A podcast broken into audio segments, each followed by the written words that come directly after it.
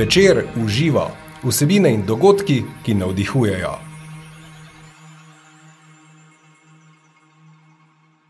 Dobrodošli in dobrodošli v novi epizodi podcasta Večer uživa. Kako dobro vzgajati? To se starši pogosto sprašujemo. In to je vprašanje, ki odpira toliko odgovorov, kolikor je staršev.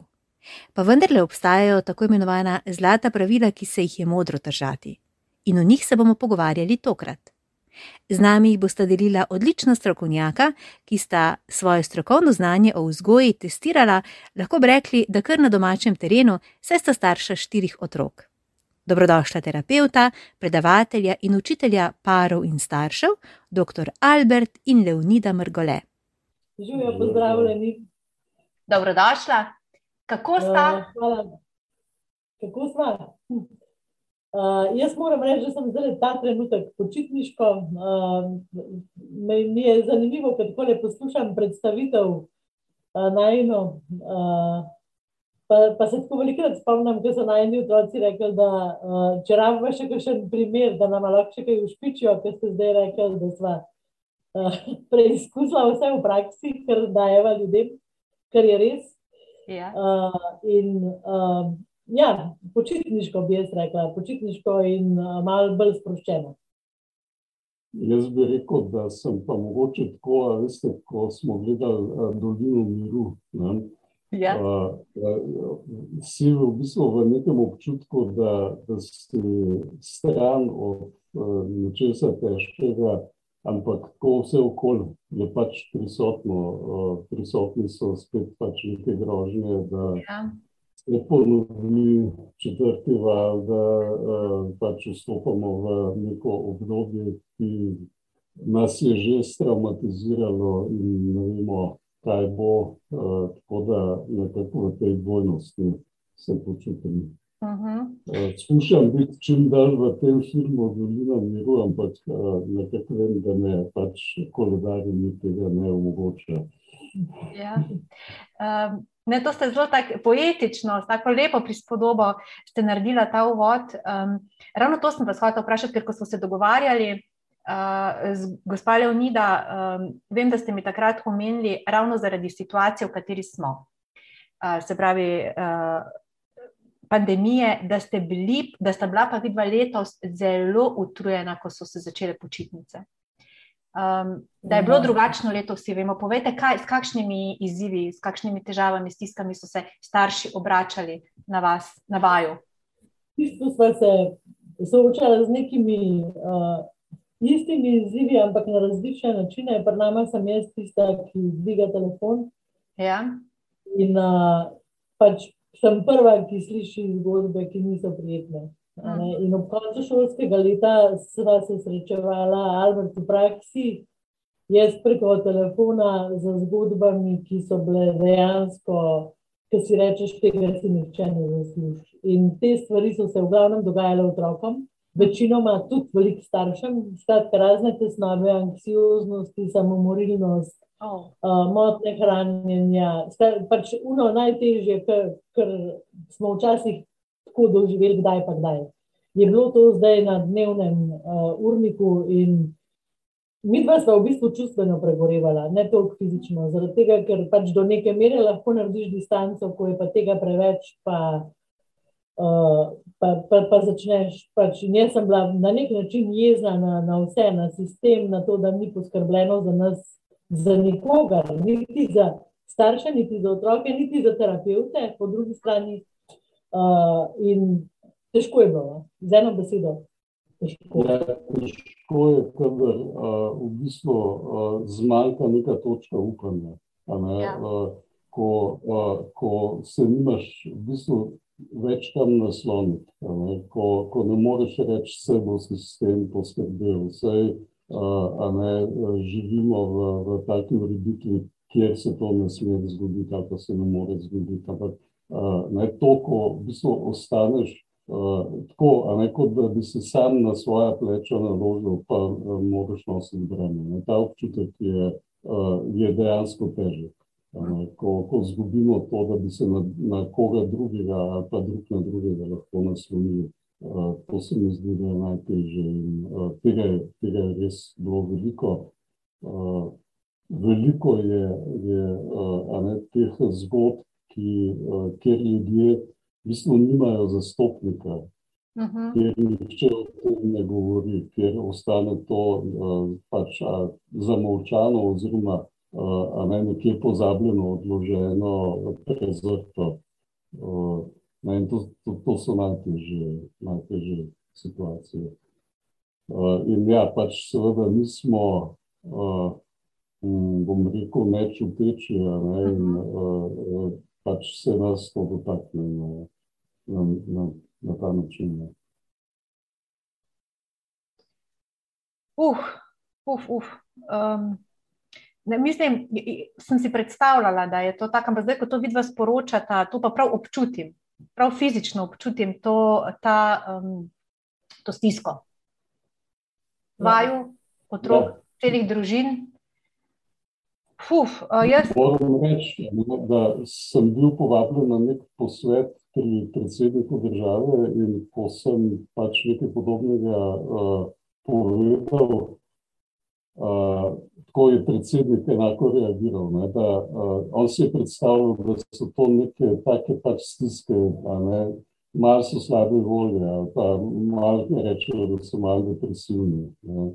Ampak uh, ni, ni mogo verjeti, ne, da gre za tako razsežnost. Uh, zdaj jaz ne bom nadaljeval, ne, ker uh, jaz bi v bistvu na, na taki poziciji, ob taki reakciji, pa ob takem spoznanju ukrepal ampak bojim se, da ni se nič naredilo. Uh mhm. -huh. Bojim se, da vstopamo v rekel, enako obdobje. V popolnoma nepripravljeni, uh, ne, pač, če greš iz neke izkušnje v, v nekaj, kar lahko predvidevaš nepripravljen, uh, pač temu ne moreš več reči odgovornost ali pa, ali pa pamet. Ampak, dajmo je tam drugam, da ne zaidemo. Uh, uh, ja. ja. Predlagam, ne, ampak tudi mo mogli smo tole povedati, Bobo Bob. Um, um, mislim, iskreno, ne, tako je. Um, no, zdaj sta me totalno ganila. Uh, pa dajmo se res osredotočiti na te svetle, um, na to svetlobo, ki pa vseeno uh, jaz upam, da, da bo pronicala no, do, do, tudi to šolsko leto. Pa če odmislimo, um, če se pretvarjamo, no, pa da upamo, da bo res čim bolj normalno, povejte mi, uh, uh, gospa Leonida in gospod Albert, um, kaj pa vi uh, svetujete staršem, kako naj zdaj mi čim bolj mehko, tudi si, mi že sicer starši delamo, že od 15. augusta eh, je, je v zraku čuti to znemirjenje, šola bo neki pritiski rahli, ta pričakovanja. Kako to čim, čim, čim manj stresa speljati? No, beseda stres mi ni všeč, ampak dobro, da se razumemo.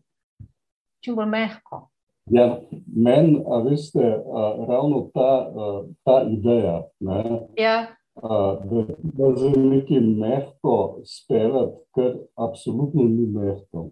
Ni. Ne, že prehod v, bom rekel, ne, ne COVID-nem obdobju iz počitnic v delovni ritem je stres. Ja. Brez COVID-a. Ja, se pravi, brez COVID-a. Normalnih razmerah. Tole, tole zdaj je seveda stres na ne vem katero potenco, ker je polno negotovosti. Ja.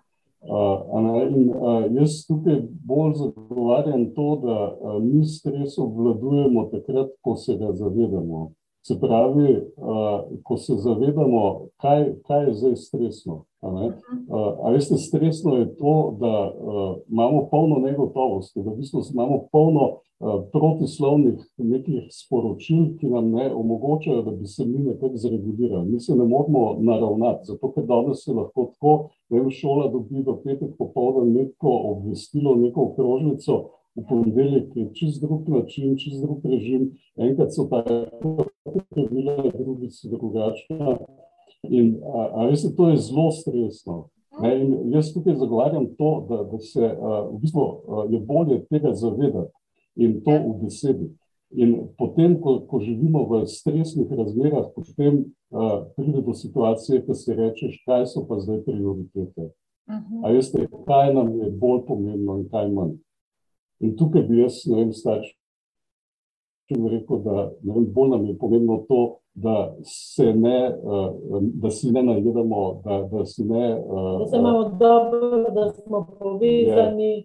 uh, da komuniciramo med sabo, da, da se zmenimo, kaj nam je res pomembno. To se pravi, da so res pomembne ocene, da so res pomembni.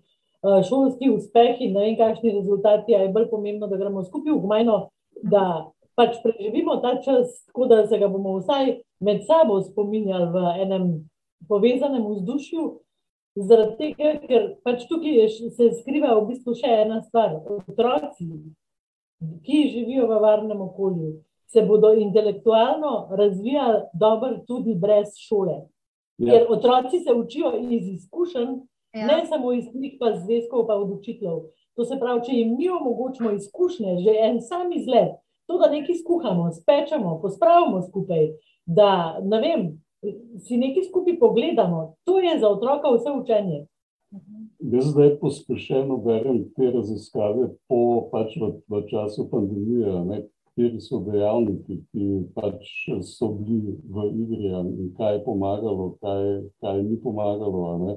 In dejansko kadar smo mi v stresu, se pravi, starši v stresu ne funkcionirajo dobro, ne moramo dobro funkcionirati, nismo tolerantni, nismo ustvarjalni, ne, postanemo nestrpni, zelo hitro se vznemirimo in to vpliva seveda na vzdušje. In v takem vzdušju otroci potem tudi reagirajo nazaj. Ne, in, a veste, skupaj ustvarjamo nekaj, kar nam zelo otežuje življenje, če se prepuščamo tem stresnim dejavnikom. In jaz tukaj res mislim, da moramo izstopiti ven, moramo, moramo najti neke svoje vire, kjer bomo pač živeli bolj ali uravnoteženo, bolj umirjeno, uh, kar pomeni verjetno, da bomo morali neke zahteve malo spregledati.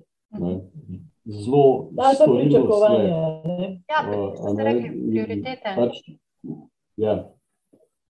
Tako da vem, to, to se je nama izkazalo že pri prvem uh, udaru, ali smo nekako, bomo rekel, pravilno predvidela uh, in smo se tudi naravnala v tej smeri, tako da smo to kar nekako uh, uh, mentalno dobro preživela. No? Uh mhm. -huh.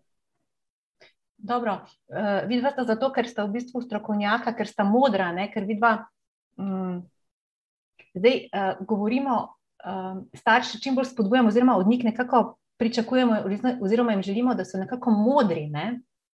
Um, vidva več čas tudi poudarjata, kako zelo pomemben je, oziroma osnovni gradnik je ta vez med partnerjema, ne? zdrav mhm. partnerski odnos, zdravo okolje. To, če, če je to rešeno, pol verjetno ni težav pri vzgoji. Ne? Pa naj bo kakršna koli zunanja situacija, vse to, več čas o tem vidva govorita, zdaj sta tudi lepo povedala. Ampak vsi pa to ne zmorejo, ne? mislim. Ja, uh, tle je tako. Ne? Zdrav partnerski odnos je odnos, jaz bi tukaj rada malo razčistila, kaj to je. Aha, no, dajmo, ja.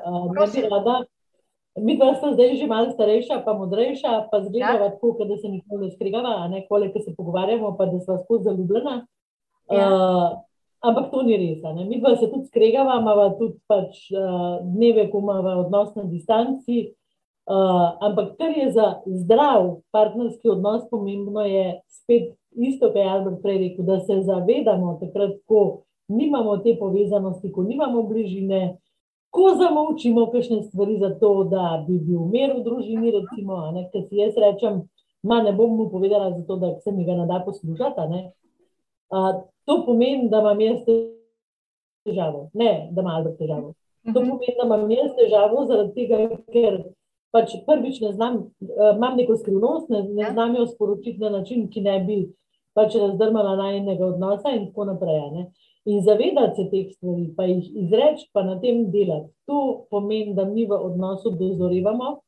Ja. In to pomeni, da delamo na odnosu. In jaz temu rečem zdrav odnos. Uh, ne temu, da je odnos brezhiben, ker to se nikoli ne bo zgodilo. Uh, in ja, starši, ki delajo na odnosu, partnerskem in starševskem, imajo manj težav. Zakaj? Ne zato, ker imajo bolj idealne otroke, ampak zaradi tega, ker te težave rešujejo na drugačen način in prej, uh Mhm. -huh. ki jih zaznajo prej, ki ne rečejo, vse jim biti bo pa tole kar minilo. Uh, to, je, to je velika razlika. Tako, tako jaz to vidim. Uh -huh. No, jaz rečem temu uh, sodelovalno starševstvo. Uh, izraz iz angleščine, co-parenting, uh, prihaja nekako tudi, bom rekel, na prvi tir. In to dejansko pomeni, ne, da misliva enako, da, da se strinjava, ne, ampak da znava sodelovati in da se znava podpreti, ko je to potrebno. Ne, in da se znava podpreti na, na način, da se pač, da, da, da gre to, bom rekel, v smeri uh, nečesa, kar pripomore k, k boljšemu, ne pa da se izključujeva, boriva drug proti drugemu, boriva, kdo je pametnejši, kdo bo vem, bolj poškodoval otroke, kdo je iz slabše družine in tako naprej. Uh, uh, pač to so To so kar dosta obsežne teme, ker uh, je dejansko uh, uh, ne, treba veliko uh, modrosti, mogoče veliko uh, tudi zrelosti, kaj spet, sploh v situacijah, ki so najtežje, takrat, ko starši formalno niso več skupaj, ne, ko se ne ločijo, ko ne, imajo te čustvene ali stiske zamere, nerešene odnose in bolj preko otrok obračunavajo. Ne, to so pač situacije, ki zahtevajo pač res to, da kaj pomeni dati otroka na prvo mesto, ne, kaj pomeni razmišljati v dobrobit otroka. Ne. Uh, ni, ni zmeri preprosto. Seveda ne. To je, to je res umetnost. Mislim, to, to, da imam mogoče pretirano rekla, ampak dejansko je modrost. Ne, Ja, je, je pa to spet ne, eden od, bom rekel, najbolj uh, preventivnih dejavnikov proti stresu. Uh -huh. Starševstvo, pač živeti v družini je stresno, že zaradi pač vseh teh upravil in dolžnosti. Ja. In pač moramo skozi ta stres nekako uh, regulirati in z njim ne, preživeti, oziroma ga preobrniti v to, da ni stres. Uh, in ja, ne, imeti občutek ene podpore, da živiš v nekem vzdušju, ki je podporno, je, je nekaj pač najbolj, uh, najbolj zmanjšuje ta stres. In, uh, to je tudi vem, nek naj, najboljši uh, ta preventivni dejavnik za, za te razmere, ki so zdaj. Uh, veste, kaj me zdaj tudi prešino, um, ko govorimo o neki zrelosti po nekem zavedanju uh, ali pa v neki osebnostni rasti, hkrati, ki gre z roko v roki za vzgojo. Um, mi, mi uh, zrasli smo, oziroma vzgojeni smo bili v določenem okolju z določenimi vzorci. Ne. Vse tudi vidva sta različna, vsi, mislim, ne, tudi imate lepe primere na vajnih predavanjih tega. Ko se zavemo, da mi ne želimo po nekem vzorcu vzgajati, ali pa partner opazi, da je pač nek vzorec, ki ni pod, podporno, oziroma ga on ne podpira, se ne strinja. Um, kako zdaj preseči te, te stare okvirje, pa začeti na novo, oziroma postavljati vzgojo, kot si jo želimo, kot bi si jo mi za sebe tudi želeli? Ne?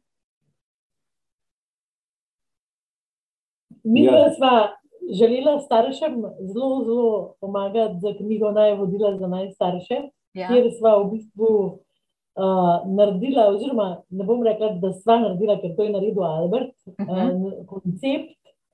Uh, kako korak za korakom v bistvu raziskuješ sebe, kako v bistvu spoznavaš, odkje prihajajo neki spontani modeli, ki jih imamo v sebi, ker se niti tega ne zavedamo, da so spontani.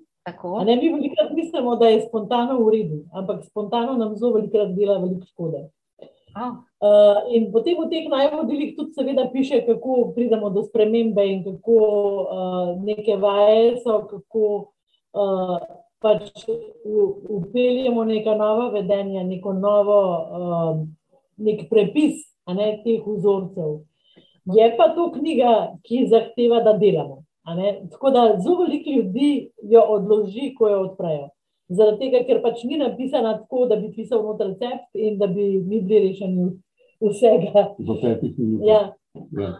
Uh, ja. Uh, jaz lahko rečem iz moje izkušnje, da a veste, zavedanje tega, da nek vzorec ni funkcionalen, da, da ga pač imaš in da a, ne, ti ne koristi. A, a, to je mogoče pred, pred korak, niti ni prvi korak. Zdaj, mnogo ljudi se sploh noče zavedati tega, ne, ampak pač preko zavedanja je prva, prva stopnja. No. Ampak potem zadeva ni rešena s tem. Ne. Res je treba, to je proces dela, ne, da od zavedanja prideš do nekega novega vedenja, do nekih novih načinov, do nekih novih prepričanj. In jaz mislim, da to, tukaj ne gre za neko racionalno, racionalni proces, da si to dopoveš, da, ne, da, da to ne vem, nekje prebereš, pa da se s tem strinjaš. Pa, ne, ampak gre za nek zelo globok čustven proces. Ne, uh, v bistvu, uh, ko, kaj smo mi v naših vedenjih, da otrok nekaj počnemo. Ne, ne vem, ali smo jezni, se zbiramo na njih, ja. jih kaznujemo, jih skušamo vem, manipulirati, ne damo svobode, ne, ne upoštevamo njihovih potreb. Pač polno imamo. Ja, tega, lahko je tudi eno samo preprosto ja. vedenje, ker stopiš v hišo, pa tako iznuliš, ker vidiš čevlje razmetane. Karkoli. Skratka, ne polno imamo teh vzorcev, ki pač vemo, da niso, niso uprit temu, da pač nas ne povezuje, ne, ne, ne prinašamo v dobrega vzdušja, ne motiviramo in tako naprej. Jaz rečem temu, da onesnažujemo domače vzdušje. Ne. A, ampak, a veste, a, to spremeniti ne, a, a, je možno samo, če prideš do tega občutka, ker navadno je to nekaj, kar se je tudi nam dogajalo. Ne, da, da v bistvu prideš v, v ta čustveni stik, kaj jaz vem, če grem eno zelo tako brutalno. Če, če smo bili mi, recimo, tepeni in da, da, da smo mi tudi agresivni na tak način do naših otrok. A a, a, lahko samo začutiš, kako je, če se spomniš, kako je biti otrok, ki, ki doživi nekaj takega, da v bistvu prideš v stik s temi otroškimi solzami. To je tista empatija, ki, ki ti omogoča, da si rečeš, ne, tega pa res nočem jaz svojemu otroku. Uh, in ne, to niso, niso preprosti procesi, to, to, to ne, ne počnemo kar to spotoma doma. Ne. To so najbolj skrita področja, ne, najbolj ranljive točke uh, naše duše. Ja, zato si moramo ja. vzeti čas, da se ukvarjamo sami s sabo. Zdaj lahko se ukvarjamo na terapiji, lahko poskusimo s temi najvodili za najstarše, ki smo jih mi dva napisala. Lahko pa pač rečemo, tak sem pa kaj. Ne? To je pač najlaž, najlažja možna rešitev, ki jo veliko ljudi izbere. K sreči vsak, vsako leto manj, to mi dva vidva, da ljudje so v nekem zavedanju, da želijo drugače. Uh, je pa tudi res, da gre veliko parov zaradi tega tudi narazena, zaradi tega, ker uh, pač ne zmorejo tega. To, jaz tukaj ne obsojam. Včasih si tudi mislim, da je boljš, da sta narazen, pa sta vsaj ok, starša, kot pa skupaj, pa je uh, pač celo življenje eno zamorjeno vzdušje. Ja, tukaj je veliko, veliko stvari za povedati. Pač en tak klasičen zaplet je, da je navadno eden od staršev vzgojni ekspert, jaz rečem. Ja, to smo ženske, ponavadi. Ja. Ja, ja, več, več je teh primerov, ne, da se mame, bom rekel, nekako bolj angažirajo, zelo veliko berejo, zelo veliko ja, pa veliko delavnic, da obiščemo in forumi in to ne tega. Ne, ne, potem, a, a, a ne, očetje pa nekako bolj zaupajo nekemu svojemu instinktu ali pa rečejo, da ne, mene gliki so najboljši vzgajali, pa sem čisto redo človek. To, to, to, to ne, ne, ja. ne. In uh, ne, tukaj se začne navadno pač, uh, uh, bom rekel, neka dinamika izključevanja, ja. kot da ne, ti pač nimaš pojma in ne boš zdaj mojega otroka uničeval. In nastane eh, tenzija v, v partnerskem odnosu. Ne. Tukaj izgubite v bistvu to, da sta skupaj partnerja, ki ima ta še starševsko vlogo. Meni se neha, neha ta podpirati. Meni to ni več pol sodelovalno starševstvo, ampak je nek boj, kdo ima bolj prav, uh, ne, kdo, bo bolj, kdo bo bolj uničil otroka, kdo je bolj škodljiv za otroka. Ne, zdaj, tukaj se navadno to zgodi, da se, pač moški umaknejo, pa rečejo, pa pač sama tega vzgaj. Ne, in ne, ko bojo težave, ne, ne nikoli jamrati. Uh, ker se pa navadno zgodi v puberteti.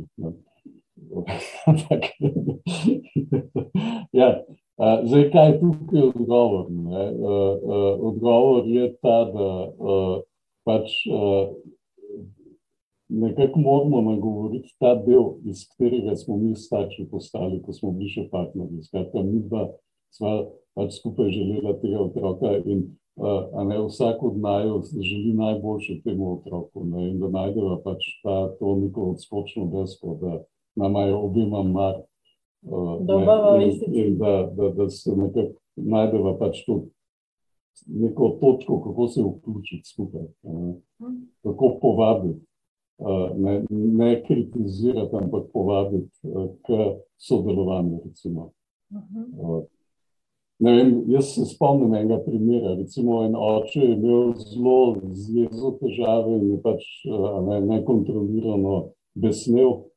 In seveda, mama ni bila, oziroma partnerka ni bila nad tem navdušena. In, uh, na terapiji uh, je v bistvu ona nagovorila na tak način, da je on lahko, uh, v bistvu, da ga ni kritizirala, ampak da je začutil, kako je ne težko. Ne? In šele takrat je on pol tudi bil pripravljen pač delati na jezi. In, in ko je pač, eh, ne, tudi so, imala tudi program za delo z jezo.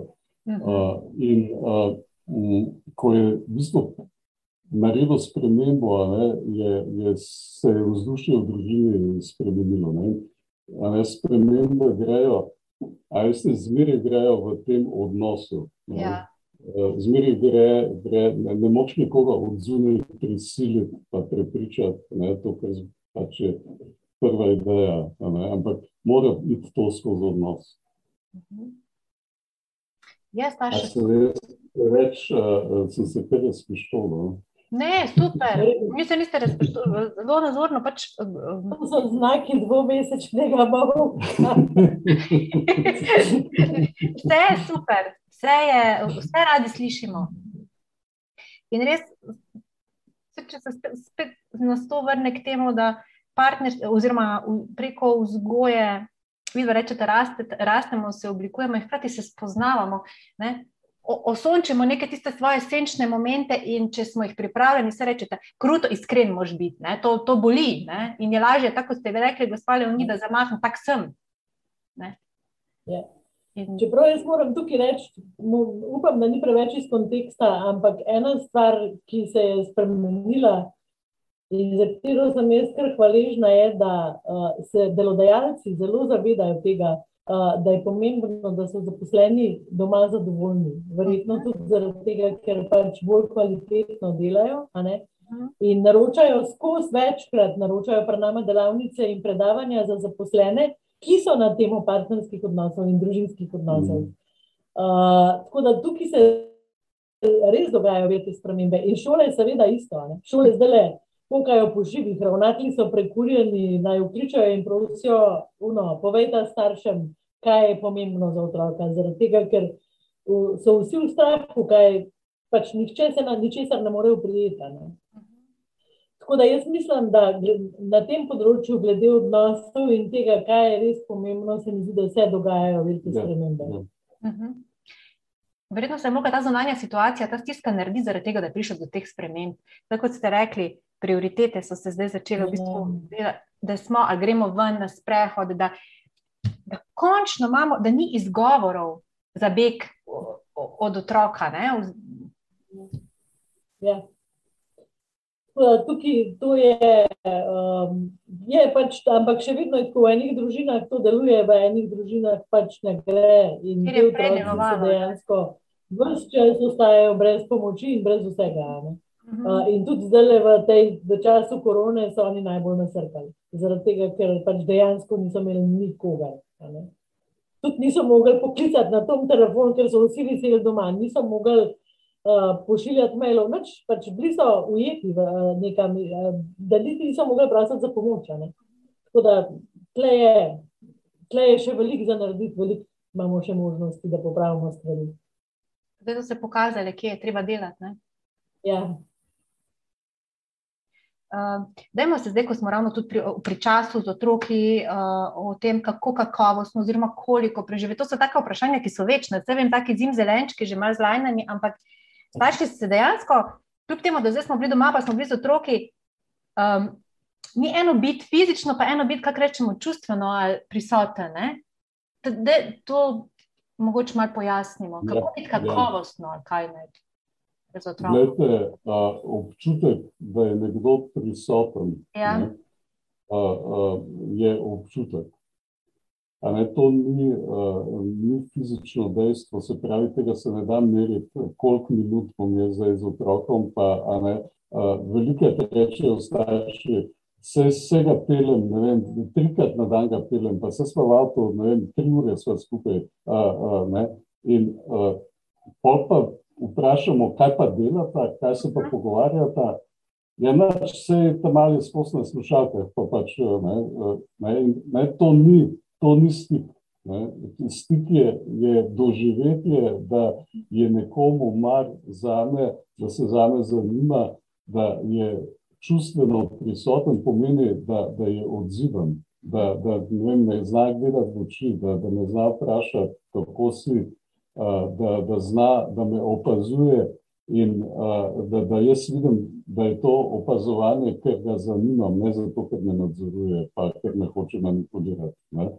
Ampak se pravi, to so vse zelo globoka čustvena doživetja, povezana z našimi zelo temeljnimi potrebami po bližini, po navezanosti. In to je stik. Zdaj sem malo rožički zraven. Ja. A to pomeni, da če peleš najstnika v avtu, pa ima slušalke v šestih, da mu uh, vzameš telefon, zato da nima slušalke v šestih in potem nastane stik. Na to pa ti odgovori. a sem te, a sem te. Ja, um, ne gre se za to, ne, da, da vi samo otroku prepoveste nekaj, kar ima rad in da se mu potem ustvari stik. Ne, ne bo se. Ja. Ne, lahko mu pa rečete, uh, A daš to muziko, ki jo imaš na telefonu, na radio, ker bi jo jaz rada poslušala. Oh, rada bi slišala, kaj poslušaš. Uh, in tisti, ki ste zdaj pomislili, jaz ne morem poslušati te muzike, imate zdaj delo. Uh, vem, da vam ni všeč, tudi meni, marsikdaj ni bila. Ampak ravno preko glasbe, ki so jo otroci poslušali, sem jaz ogromno zvedla o njih.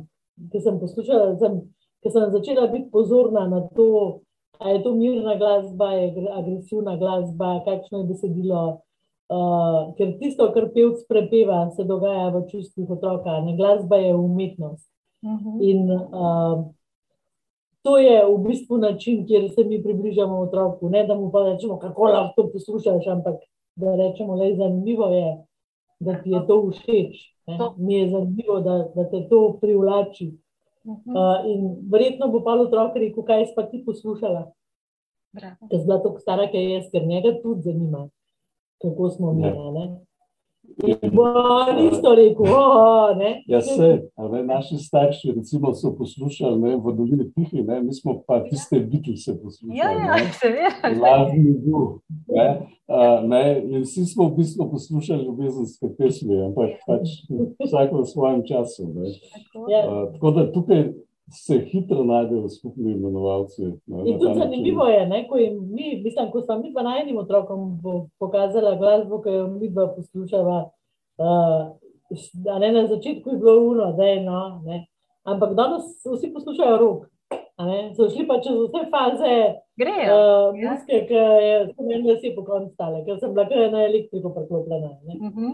In ja, malo tudi zaradi tega, da provocirajo, ker je pač tudi njihova naloga v tem času, Seveda. da nas malo zdrma.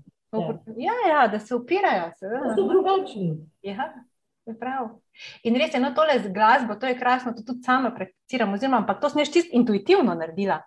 In pol je najprej je bilo to zadržano, pa tako malo zviška, pa mi pa že celo začel pripovedovati, pa mi kazati še podobne skupine in, to, in se odpirajo. Ne? In, in je to en tak lep ja. komunikacijski kanal, to je krasno. Ja. Ne, to je, recimo, ne, zdaj, če rečemo uh, neko načelo, ne, tukaj zdaj, ni recepta, ja. ampak neko načelo, ki pa deluje, je uh, ta občutek, da uh, zna se zanimati za me. Ne, se pravi, to, kar je meni pomembno, uh, ne, ne kritiziraš, ne komentiraš, ne, ne, ne pametuješ okoli tega, ampak spremeš me s tem, ne, v tem mojem delu, takega kot sem. Ne, in ko, ko se to zgodi, ne, in to, to je spet doživetje, uh, nekako se odprejo, kako nam povejo. Ma, ne, jaz rečem, da, da so kot puter na kruhu. Točno, točno. Ne, to, to so ne, načini, se pravi, uh, ne, mnogo staršev misli, da ja, moramo jih zdaj aktivirati ne, in jih ženejo na neke uh, hribolazniške ekspedicije. Ne. Seveda so čisto izven zanimanja. Uh, Pri nekaterih to ni povsod tako. Ja. Če šla sem jim hiše eno družinico, ki sta imela tri namestnike. In vsi so bili nasmejani in hicali so se in tako. Ja. En teden prej smo srečali tam na gor na Rožnovi koči eno familijo, ki sem mislila, da sta tam mala dva pregrizena. Ja, jaz sem včeraj, včeraj na Krlskem jezeru sem prav rekel, a ne, razlika med navdušenim hribolasom je, kako te pozdravi, ne, najstnik, tam. ono pa. Tako da, jaz, tukaj, tukaj v bistvu je eno pravilo. Uh, ja. pač otroci so različni in eni so taki, da radi igrajo, da radi hodijo, da radi raziskujejo, in tako naprej. Drugi so bolj na drug način raziskovalni in radovedni.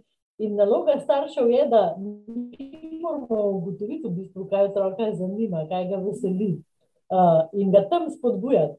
In če odedi otroka, ki ne mara v hribe, vlekel v hribe, zato da boste naredili z njim stik, potem je to, to je mim, to je škoda časa. To je, to je neverjetna škoda časa. Če ga boste pa parali nekam, kjer je njemu všeč, uh, vem, na VUP, recimo, ali pa na, uh, s kolesom, ali pa pač, vem, na koncert, ne? ker recimo ne smeš iti sam na koncert, ker je premlad. Uh -huh. uh, to so pa, pač potem spet, ne, uh, skratka, ugotovite, kaj imajo otroci radi in tam iščite stik. Ne morete ga potegniti v svoj svet, pa reči, da zdaj pa ti tle užival. Ne bo. Točno to. Treba je vstopati v njihov svet. Ne? Ja. Ja, ampak zdaj bojo večina staršev bo rekla, da ja, njihov svet so igrice, elektronske no. naprave, telefoni. Ja, ne, ne, to ni res, to oni počnejo iz čistega dolgčasa, zato ker imajo nezanimive starše. Ja, Zelo ja. bojo linča. Super, sta tole videla. Če otroku nekaj zanimivo odloži telefon. Telefon je cona obdobja. To je tako, kot je nam televizija ali pa ne vem, jaz recimo se usedem pred televizijo in hočem imeti mir, takrat, ko se hočem odklopiti brez tega, da uporabljam možgane in telo. In uh, ko mi to znamo regulirati, recimo, ko jaz rečem ena serija ali pa en dan vem, na mesec, če mi pa še cel dan živeti pred TV-jem.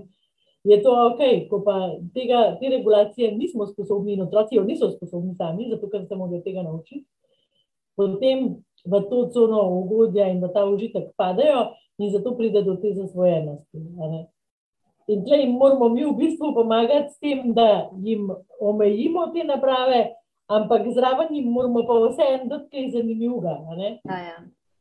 Ja, noro imamo. Mogoče, mogoče še en komentar. Uh, veste, kaj, kaj so prioritete. Če, če bo, bojo spet uh, ne, otroci prisiljeni delati nadaljavo.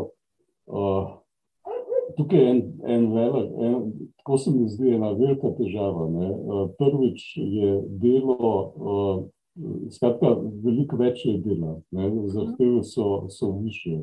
Uh, jaz celo primerjam to, a veste, kot da ne, otroško delo je prepovedano.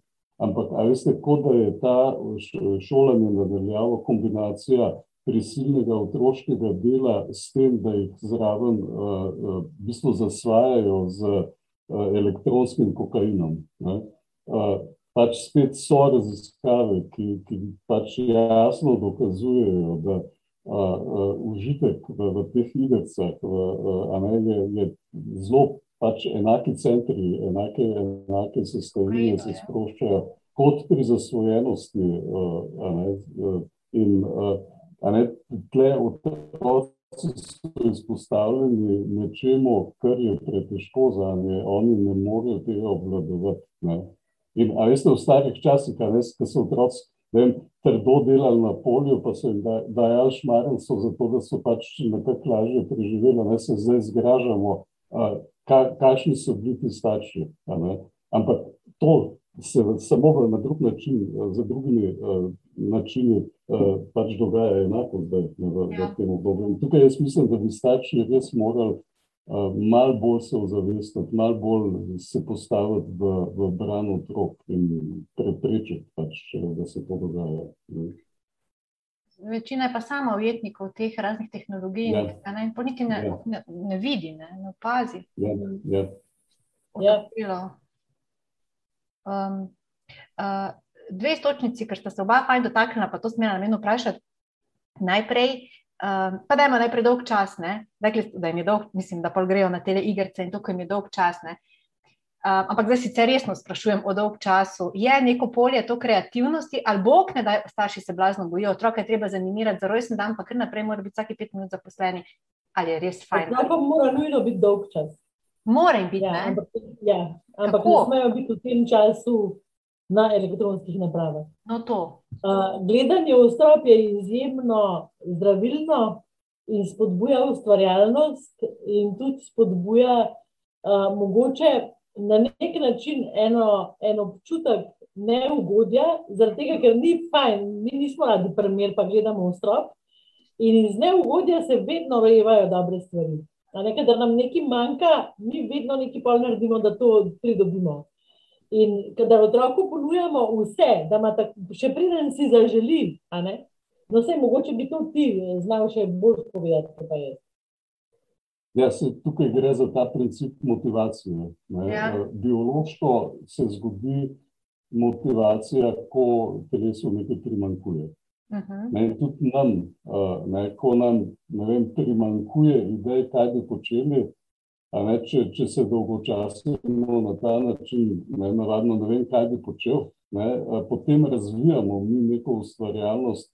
Ne, če se jaz spomnim, recimo, ne, naše najboljše otroške igre so se rodile ravno iz tega vprašanja, kaj, kaj se čmo, ne, kaj, kaj čmo početi, uh, kaj čmo še ušpičiti, recimo, ne, kaj, kaj če bi, ne vem, to. Uh, ne, in uh, uh, je bilo zato, ker niso nam starši zapolnili vsake sekunde, uh, ne, niso nas animirali. Nekaj, gledajte, ko mi otroka animiramo, mi ga animiramo na svoj način, skozi svoje očala, skozi uh, pač svoje načine, ki seveda niso uh, primerljivi z otrokovimi. Mi nimamo pojma, kaj so njegove potrebe. In ga navadno prezasičimo. Uh, to, eh, ne, apatični otroci pridejo od to, to so otroci, ki ne vejo, kaj rečejo, pa ki so najstniki, jaz pač ne vem, kaj bi. V bistvu otrok razvija ta, uh, spoznava sebe, razvija svoj talent uh mhm. -huh. v trenutkih, ko se mora sam zdrmati. To se pravi, ko mu je dolg čas, ko mu je neprijetno, uh, ko recimo kaj za moč, naredi kakšno napako, ne? mi takoj letimo, pa to rešujemo. Zelo redki so starši, ki čakajo in opazujejo otroka, kako bo on se vam potegnil iz tega dreka, v katerega je sam stopil. Pač to je zdaj karikirano govorim. Uh, pač to so situacije, ki otroka skozi izkušnjo naučijo o tem, kje so njegove šibke točke in kje so njegovi, njegove točke moči. In točke moči, s, točka, s, to, s točkami močmi v bistvu razvijamo talent. In tudi en, še ena napaka, ki jo starši pogosto delamo, je, mi damo otroka v šolo in potem ugotovimo, da je uh, ful dobro v angleščini, pa v slovenščini, ampak da je šibek v matematiki. In pa ga osem let drgamo s tisto matematiko, da, to, da tam malo več ne sovraž šolo in vse. Namaz, da bi sprejeli, da je pač matematika nekaj, kar on rad pač narediti, Uh -huh. Razvijati pa treba tisto, v čemer je on dober. a ne? Ja. Ampak v, ravno v, te, ja. v tem principu smo mi bili gor vzgajani, naše generacije. V šolah, vedno tisti, tist, ono pusti, tisti, ta gre, tako kot ste rekli, gulit, pa tisti, da, da ti je še ja, eh, ne vem, kako naj se izrazim, ampak potrdi, ja, pa potrjevalo to tvojo šibkost, oziroma da nisem dovolj dober, tu je bilo treba dati Mhm. vedeti z vseh strani. Ja. Cela misel, Ja. ta sistem je bil tak. No? Ja. Ja.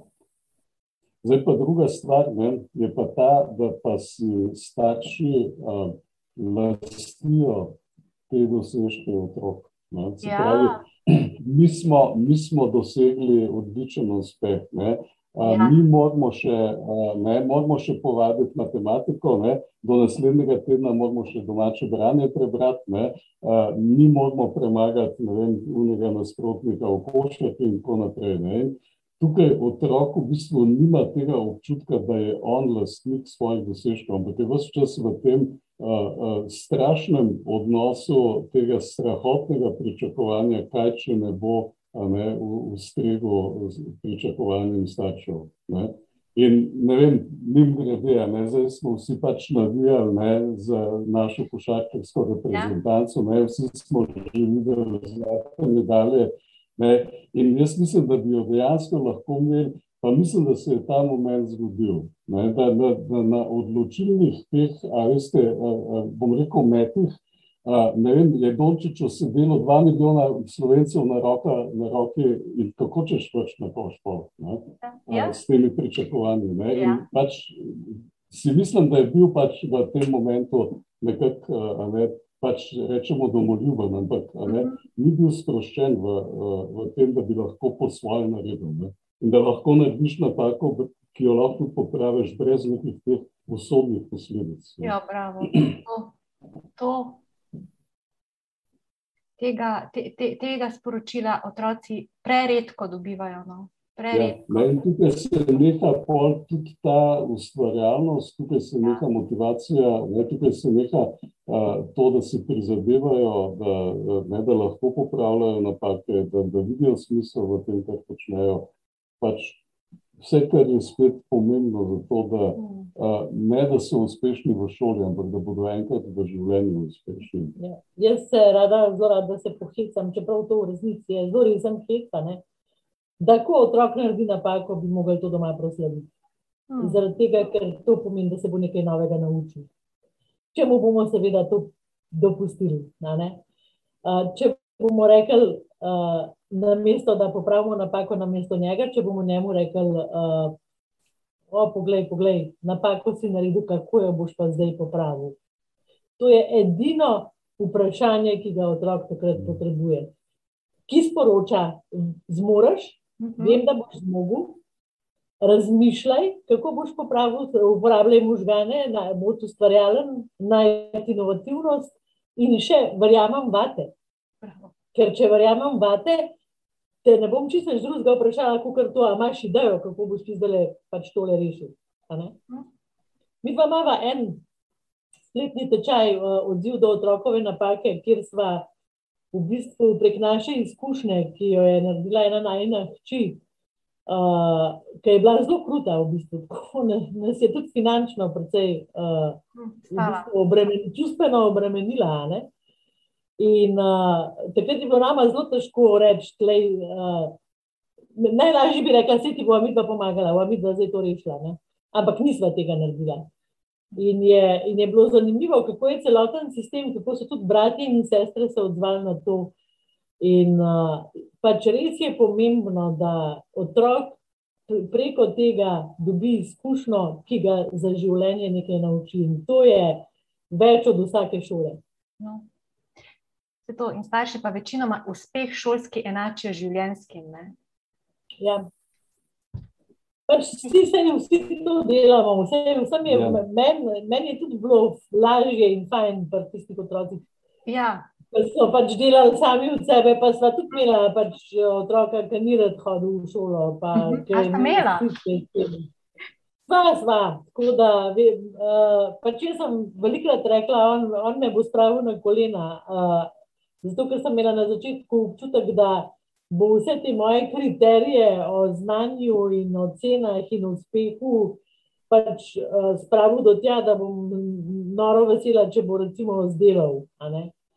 Uh, in, in to se je dogajalo, dokler nisem dojela, da ni šlo s tem, ali zdela, a ne zdela, a ima petke, a ima dvojke. Uh, in vem, vem, tudi vem, kako je staršem, ki imajo pač otroke, ki jim gre teže, ali pa ki jim sistem ne odgovarja, uh, koliko je to težko. Pač, uh, ne, ne samo, da vem, razumsko, vem tudi čustveno, kako se je zvečer v leštu poslo. Jaz sem si včasih samo rekla, o, sam da v konc te šole, res. Da zraste in da je konc šole, ja, sam ja, to sem si ja. želela. ja. vi, vi pa štiri, ne? Eh, zelo zanimivo, ne tako, da se nekaj v vodo, vidva sta verjetno vse nekako potestirala, kako ne rečem, ali sta celo iz prakse, pa lahko teorije razvijala. Um, Mi pa nič nismo testirali, mm. zaradi tega, ker smo bila, ker smo bila buda, sta tukaj čisto vsi starši uh, z različnimi vzorci, ki so bili v glavnem nefunkcionalni iz ja. preteklosti. Uh, jaz mogoče malo več uh, iz tega naravnega feelinga, kako razviti empatijo, pa se odzivati odziva otrokom. Pa jaz sem malo tako uh, drugačna mama. No? Jaz, sem tako, jaz sem jih v bistvu bolj s tem šokirala, ker sem pravi, da sem obrisana. Ker sem naredila stvari, ki jih marsikatera druga mama nikoli ne bi naredila. Recimo, uh, pač naredila sem jih drugače. Brez kaznovanja, brez kakšne drame, ampak tako sem si rekla, da je tole si že zapomnil za cel life. Ne? In uh, drugače smo pa v bistvu velikrat zamučila, pa smo pa začeli se delati za mizo in sva, uh, najprej sva si obljubila, da noben mu tega ne bo povedala, ker je grozno ker kakšna starša sva, kako ne bo hendlava otrok, kako bi nam jih mogli kar vzeti na socialni pa odnesti, ker si na otroci ne zaslužijo takih staršev, nemočna, obupana. Mm. Pa smo se pa začela pogovarjati, kaj, kaj bi lahko naredila drugače. Kako bi lahko naredila drugače, in uh, potem smo začela pisati, in je nastala knjiga Ištekani najstniki in starši. Štekajo, legendarna. Ja. Ja, in tam so vse te zgodbe, ki so rekla, da jih ne bo nobeno povedala. Krasno. No, uh, Gospod Lovni, da pravite, obrisana mama. Vse ravno te starše manjka, vsi, vsi bi radi neke napotke, vse to je super, se rabimo usmeritve, so neka zlata pravila, so neke, neke zakonitosti, ki se jih je modro držati, ampak vseeno prostor za tisto spontanost, pa individualnost, je pa vendarle treba imeti pa to zaupanje. Da, vi ste rekli, gospod Albert, da kot moški ste bolj delovali iz občutka, ne, nekega intuicije.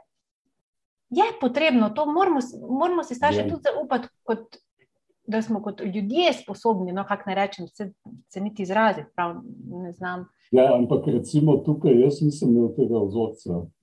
Jaz ja. sem recimo pri vzgoji imel zelo tak rigiden uh, obrazec, kaj je prav in kaj narobe, uh mhm. -huh. kako ne. Uh, jaz pričakujem, da se bo otrok obnašal in kako se pač ni obnašal in pol. Pač edina ideja je bila, kako ga zdaj prisiliti k temu, da bo po moje. Uh, ne sem zgubljal stik uh, uh, v puberteti, prej, prej je bilo drugače. Ja. Uh, ampak to, to je širša zgodba. Zdaj, tukaj si bila ti uh, ne, veliko bolj, uh, le, veliko bolj zaupala v, v, ta, uh, uh, v to, da se je naslonila na občutek, da ve, kaj je prav, oziroma ne da ve, da, da čuti. Ne. Ona je zmeraj začutila, kaj je prav, in potem je bila, bom rekel, zelo ustvarjalna in sproščena in lahko s humorjem naredila uh, ne, stvari ker se je vse čas vedlo, ne pri Leji so otroci vse čas vedeli, uh, pri čem so. Uh mhm. -huh. pravi, skratka, ne, to, da otroci vejo, pri čem so, uh, uh, ne, to, je, to je spet uh, neka, nekaj, kar starši dosežemo s svojim vedenjem. Ne, to je nekaj zelo pomembnega pri občutku varnosti. Ne, mi se s, s tistim, ki vemo, pri čem smo. Ne, tukaj je zdaj ni važno, kakšen je stil. Mhm. Ampak mi se počutimo varno.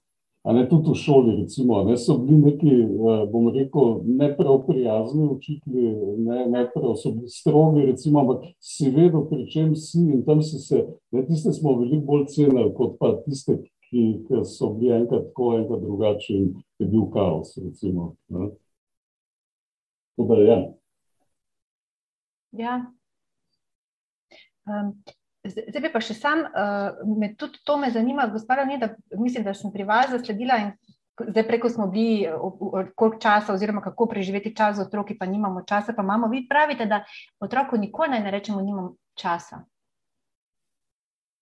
Ja, uh, jaz mislim, da otroku prevečkrat rečemo, da naj počaka. No, to tako počakaj, nimam zdaj. Ja. Ja, zaradi tega, ker uh, imamo pomembne opravke. Ne. Jaz sem uh, na najnem YouTube kanalu Albert in Leonida Morgoleje en posnetek, trenutek šteje. Ja. Ali pa trenutki, ki štejejo. In v tem posnetku razložim to, kaj pomeni imeti čas za otroka. In to pomeni nek trenutni odziv. To pomeni, ko otrok pride do nas, in z nečim, in mu mi rečemo, počakaj. Uh, zdaj, majhen otrok nima občutka, kaj to pomeni počakati. On nima občutka za čas. In majhen otrok, to vemo, pa hod skozi, mami, mami, ja. mami, in mi, počakaj, počakaj. Sem ti rekla, počakaj. A sem ti rekla, zdaj pa še pol ure ne bo, počakaj. Ne? Ja. Pač stopnjuje se ta naša nestrpnost, In otrok pa v resnici ni sploh ne vemo, kaj bi otrok rad. Ne? ne vemo, ali je žejen, ali nam je res zdi, da niso pokazati, ali je karkoli. Trenutek, ki šteje v tem primeru, zdaj bom povedala kot primer, je, da se obrnemo k otroku in ga pogledamo v oči, in če je majhen, da počepnemo, da imamo očesni stik in rečemo, kaj rabiš. In on bo rekel, risbico sem ti prinesel. In to pomeni, da mi tisto risbico pogledamo in smo rešeni. Ne? In rečemo, o, a tole si narisi. Če reče, žejen sem, mu lahko rečemo, vzem si zapis. Če pa reče, a greš z mano ven uh -huh. uh, na sprehod, takrat mu pa lahko rečemo, lej, bom šla s tabo na sprehod, ampak zdaj ne morem. Uh, lej, ki bo kazalec tam, bova šla, recimo. Ali pa, ko bomo pojedli kosilo, bova šla. Ali pa, skratka, neko časovno, da otrok dobi občutek, da se bo to zgodilo. Uh mhm. -huh. Ker zelo velikrat, otrok, pri najstniku je pa tako, najstnik bo pa prišel, pa v tebi rekel, počak, pa ga ne bo več nazaj. Zato, ker pač si misli, da imaš nikoli nima cajt. Mi pa tleh prijateljico, ki je ful pomembna, v rok kuhovnico, tam še radio špila, uh, uh, mogoče še kakšni mlajši otroci letajo okoli cela norišnica, je nobenega fokusa, pride najstnik, reče mami in jaz rečem, da je počak. In on bo, bo šel ven iz tega, zato ker noče biti tukaj, ker ni prijetno, ni prijetno vzdušje. In, ja. Tukaj mogoče, gledajte, ni, uh, spet ni v tem, ne, a takoj, a kako, ampak v načinu odzivnosti. Ja, no, to je. Ne, jaz bi dal kar primerjavo, če greš nekam v restauracijo, ne, te najprej pridejo vprašati, kaj bi želel. Ne.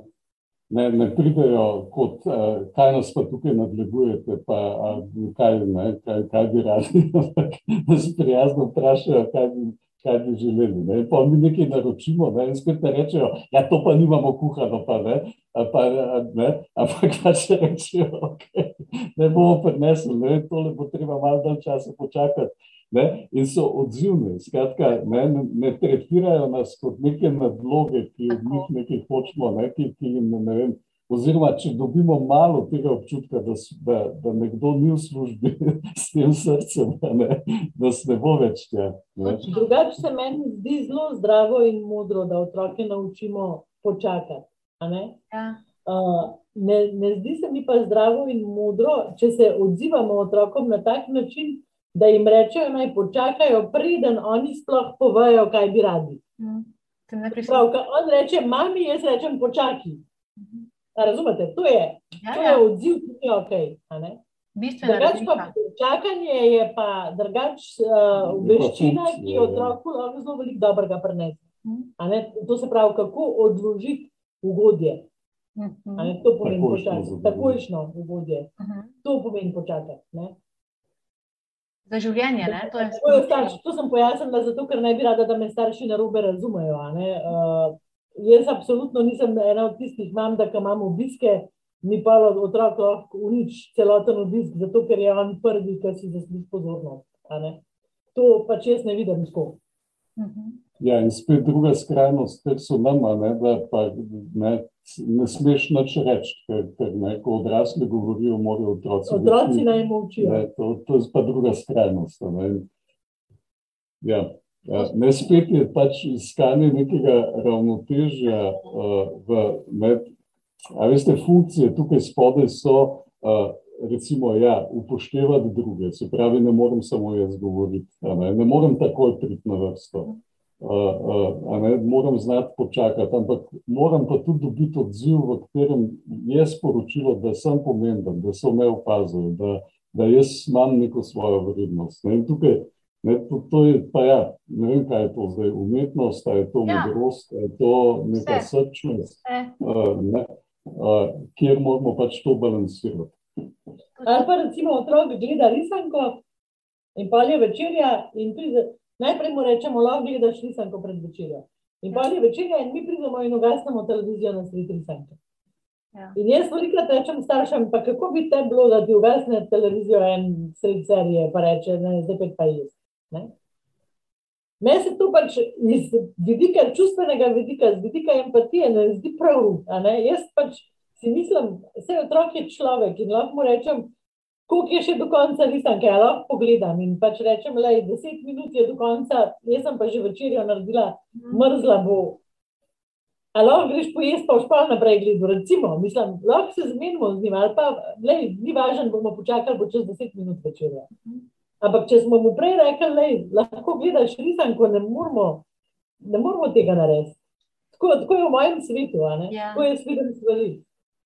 In na tak način pač sem jaz ohranjala z otroki stik, zato ker so nekako imeli ta občutek, da nisem njihov sovražnik, da, jim, da, da, da si iskreno želim, da jim je fajn, da jim je lepo. a ne. In da tudi oni so ustvarjajo to, kako Ja. se imajo. a ne. No, to. Da imajo tudi oni na izbiro. Ne? to. To, Ne, to ste tukaj zdaj, je podlaga, ne, podlaga Ja. je marnje zate. Ne. Zdaj nek, nek togi pogled bi pa rekel, ne drži se pravil, zdaj pač ona Ja. krši svoja pravila. Ne, ne. In ne, tukaj se pa zgublja ta, ta občutek, da je staršem mar za otroka. Oziroma, otroci ne doživljajo staršev, da jim je mar. Ne. to sta dala videti, da je to ključno, ne? lepo sta povedala. Um, Gospod Ravni, da vi ste rekli, da mi kar pozabimo, da je otrok človek, jih ne jemljemo enakovrednih. Ne? Tako zelo zviška, mi to, mislim, avtori, tak kot avtoriteta, jih, z vidika avtoritete jih naslavljamo ne? in pozabljamo, kar vse bi mogli pretrpeti, kar vse bi mogli prenesti, vse bi mogli razumeti. Ne? So Po eni strani pozabljamo, da, uh, da je otrok človek in da je enakovreden, po drugi strani pa tudi pozabljamo, da je otrok človek, ki rabi nekoga, ki mu bo, ki mu bo pokazal, kaj je za njega dobro in kaj je za Ja. njega slabo. Recimo, jaz tudi nisem pristaš tega, da v polnoči otrok sam ugotovi, ali je že utrujen ali ni. uh -huh. Jaz sem pristaš tega, da otrok mora iti v osmih spat. uh -huh. In da sem jaz starš, ki to vem in da bom pač za to poskrbela. a ne. Uh, da bo moj otrok pač šel pravočasno spat uh, in da bo uh, pač spal, to, kar rabi spati. Uh, danes srečujemo vse mogoče stvari, ne, pri vzgoji in, uh, in ja, to so pač neki različni pristopi, različne, različne metode. Jaz tukaj uh, pač nisem zato, da bi jih sodila ali pa kritizirala ali pa karkoli, ampak vem pa, uh, vem pa, da je otrok v bistvu uh, nebogljeno bitje, ki rab, da ga spremljamo skozi življenje in da je najstnik odraslo bitje, ki se rad učiti na svojih izkušnjah, ampak nas potrebuje za trenutke, ki se rab na nekoga nasloniti. a ne. To se pravi, moramo starši odkriti ta način, to modrost, kako spuščati otroka v te njegove izkušnje. Tako, kot ga prvič spustimo, da se s kolesom zapele. Recimo. Ja. in pač verjamemo, da bo se pel in vemo tudi, da bo padel. Ampak smo pripravljeni na to, kaj bomo naredili, ko bo padel. In tako je pač skozi v življenju, zelo podobne zgodbe, ki so s tem kolesom ali pa s prvimi koraki. Gospa Leonida in gospod Albert Margole, hvala, ker ste bila res, se pravi, navdihujoča sogovornika. Čisto za konec bi vaju pa še samo vprašala, slogani naših podkastov so vsebine in dogodki, ki navdihujejo. Kaj navdihuje vaju? Avšti prvi. Ali da mi pridem? Ne vem, ja, ne bom ti gentleman na ta način, da te punkam. Uh, mene v bistvu navdihuje uh, odziv. Skratka, uh, ko vidim uh, odziv uh, tudi na svoje delo, uh, ne s tem v bistvu dobim neko vrednost, uh, ali pa to, kar delam skozi odziv, v bistvu dobi vrednost. Tako da sem vse čas v tem da se tudi jaz, seveda, odzivam na, na pač tisto, kar ljudje delajo meni, vredno in da, da s tem nekako širim ta krok uh, tega vzajemnega spodbujanja k nečemu dobremu. Lepo. Lepo. Uh, ja, uh, mene pa, jaz pa tako, ker sem videla to vprašanje, sem se tako vprašala, slišala to vprašanje, sem se tako rekla, joj, kako naj odgovorim na to vprašanje. In ena stvar, ki me navdihuje, so sigurno takšni pogovori. Uh, mene najbolj v življenju navdihujejo predavanja in to je, ne, to je nekaj, kar sem skoraj tudi močno izgubila, to se pravi odri in mikrofon in ljudje vi, s katerimi sem bila v stiku, uh, pač tedensko, dnevno. Uh -huh. uh, in to res zelo, zelo, zelo, zelo pogrešam, to moram reči, tako da se je izgubil en del mene. Uh, zato verjetno tudi pač snemam video posnetke in to me tudi navdihuje, uh, kadar imam dobro idejo, kadar sem razpoložena. Drugače pa mene zelo navdihuje narava. Uh z Albertom smo tudi zeliščarja, tako da nabiramo čaje in uh, take stvari. In psa mala dva, tako da uh, to je pa nekaj, kar imam jaz čist zase in za svojo dušo in kar, na, kar pač naredim tisti trenutek, ko imam vsega dovolj, pač vzamem psa in grem ven uh, in se z njima igram ali pa tako. To je neki. Uh, in seveda večeri, ki jih imamo mi dva, skupni večeri, ki jih imamo z Albertom še vedno uh, so tudi moj zelo velik navdih za uh, ustvarjalnost. Kar velik stvari, ne? pravzaprav. Ampak še zmeraj pogrešam modre. se bojo, jaz mislim, da se bojo, da se bojo držimo pesti, da se čim prej vrnejo. No? Ja. Um, potem se bodo tudi združili, družili z nami na večeru uživo, to lažje kar povemo, takoj, ko bo to možno, ja. na naših dogodkih. Hvala lepa še enkrat. Želim vam en tak. Ja, lep preostanek poletja, pa tako naj bo. Čeprav gospod Albert reče, da ne more biti ta preskok, tako glih me, ta vstop v, v novo šolsko obdobje ali kakorkoli mehek, jaz si želim, da bi, da bi vendarle bilo no, prijetno, pa čim manj stresno. Ne? Tudi jaz. Ja, naredimo si naj bo prijetno, vse to pa je v naši moči. Da... Evo, ja. tako. Ja, hvala. Tako, ja. koliko je v naši moči. Hvala lepa. Srečno. Adijo. Adijo. Več informacij o podcastih in dogodkih večer v živo najdete na večer.com pošiljnica v živo in na Facebook strani večer v živo. Tudi tokrat sem bila z vami Maja Furman. Srčno in srečno, dok malo.